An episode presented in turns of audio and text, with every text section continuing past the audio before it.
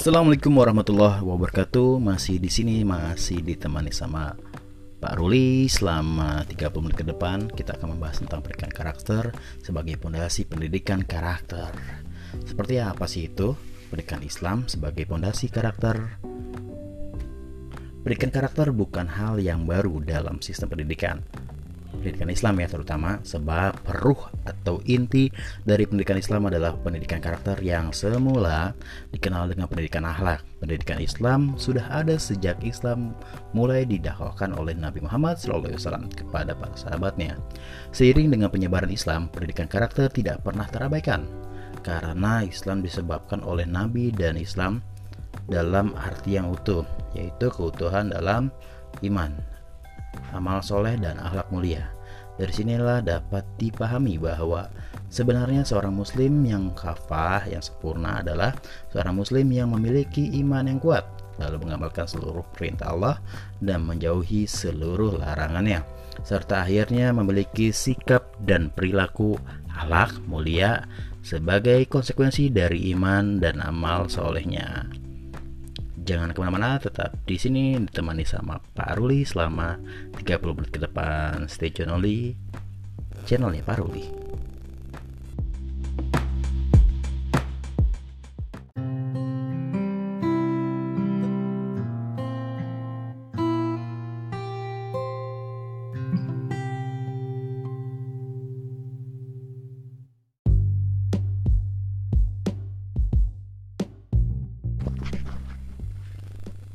Assalamualaikum warahmatullahi wabarakatuh. Selamat pagi Indonesia.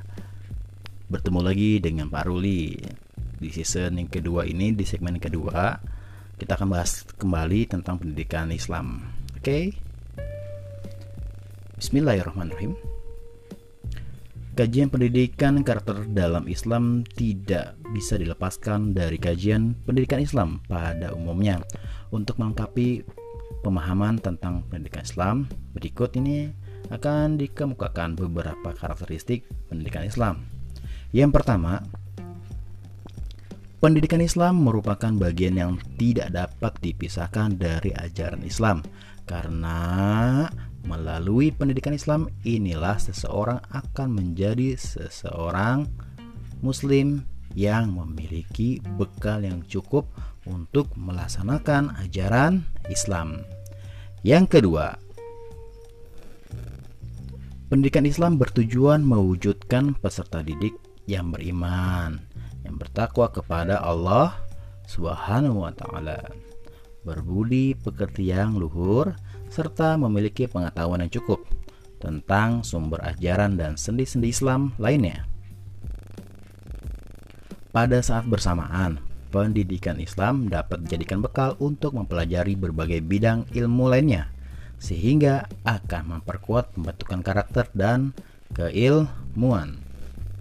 Yang ketiga, pendidikan Islam tidak hanya menekankan pada penguasaan kompetensi yang bersifat kognitif, tetapi yang lebih penting adalah pencapaian pada aspek afektif. Apa itu afektif? Afektif ialah sikap dan psikomotor atau yang dikenal dengan perilaku. Hasil dari pendidikan Islam adalah sikap dan perilaku karakter peserta didik sehari-hari yang sejalan dengan ajaran Islam. Yang kedua, yang kedua, keempat ya. Maaf.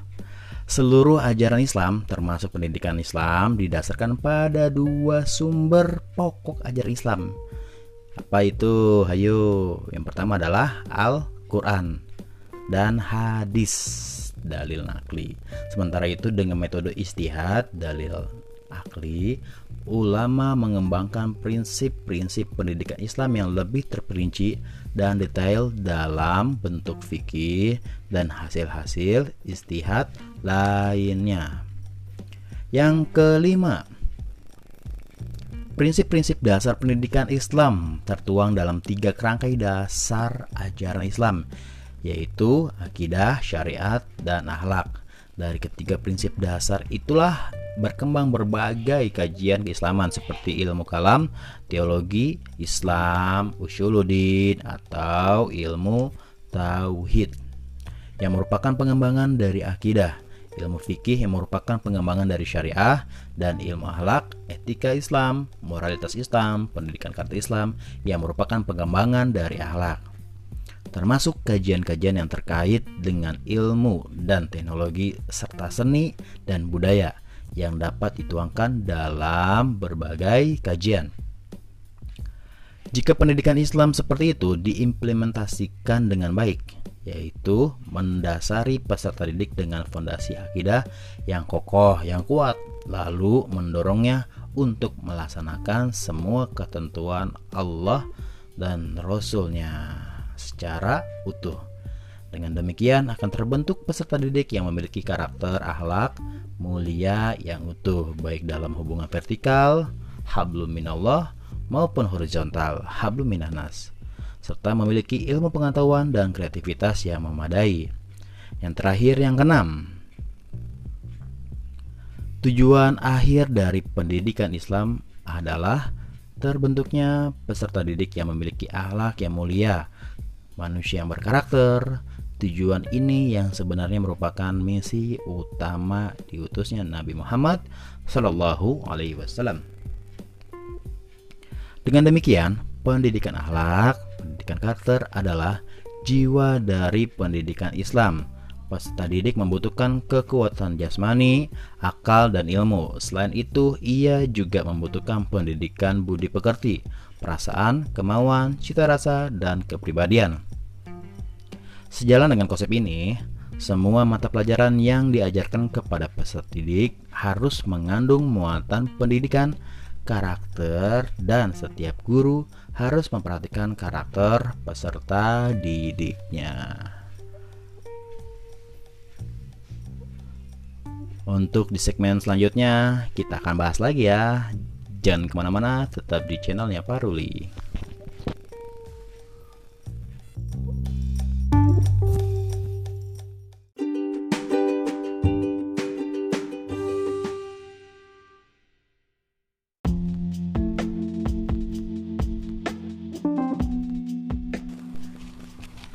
Assalamualaikum warahmatullahi wabarakatuh Selamat malam Indonesia Bertemu lagi dengan Pak Ruli. Kali ini di segmennya tentang sumber ajaran pendidikan karakter dalam Islam.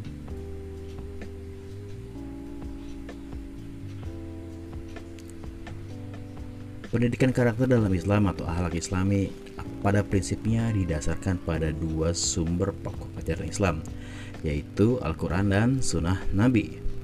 Dengan demikian, baik dan buruk dalam karakter Islam memiliki ukuran yang standar yaitu baik dari buruk maaf maksudnya baik dan buruk menurut Al-Quran dan Sunnah Nabi. Bukan baik dan buruk menurut ukuran atau pemikiran manusia pada umumnya. Jika ukurannya adalah manusia baik dan buruk itu bisa berbeda-beda. Bisa saja suatu sikap atau perbuatan seseorang dinilai benar dan baik oleh seseorang tetapi dinilai sebaliknya oleh orang lain. Begitu juga sebaliknya, sikap dan perilaku seseorang dinilai buruk oleh seseorang, padahal yang lain bisa saja menilainya baik. Kedua sumber pokok tersebut, Al-Quran dan Surah Nabi, diakui oleh semua umat Islam di seluruh dunia sebagai dalil nakli yang tidak lagi diragukan otoritasnya. Keduanya hingga sekarang masih terjaga keuttekannya. Kecuali Sunan Nabi yang memang dalam pandangan diketahui banyak mengalami problem dalam periwayatannya sehingga ditemukan hadis-hadis yang tidak benar, hadis doif, hadis lemah, hadis maudu atau hadis palsu. Melalui kedua sumber inilah dapat dipahami dan diyakini bahwa sifat-sifat sabar, kona'ah, tawakal, syukur, maaf, ikhlas, dermawan, dan pemurah termasuk sifat-sifat yang baik dan mulia.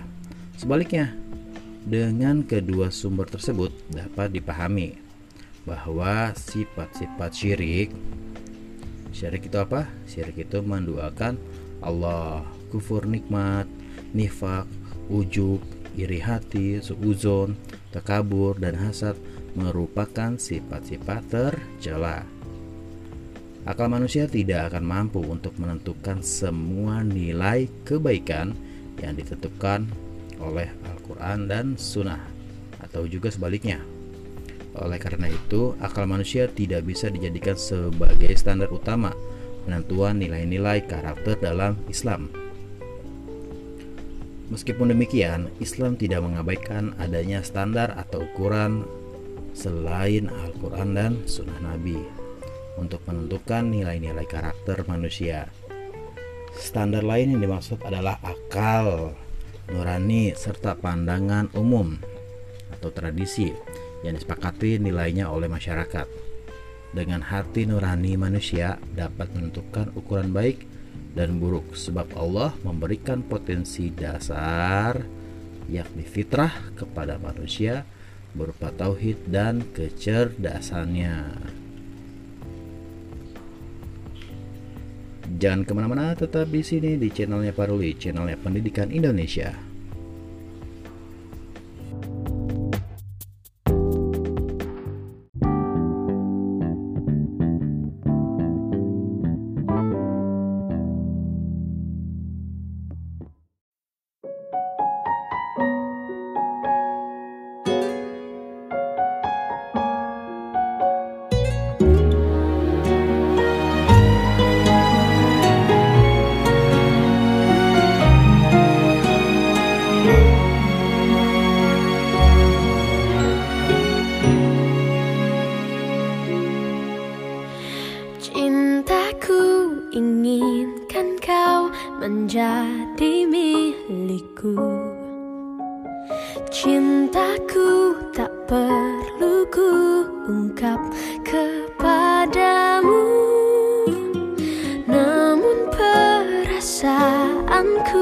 jadi tak menentu. Karena kau selalu ada di benakku. Sedang apa di mana? Dan bersama siapa? Bila kau tiada hampa dan sepian.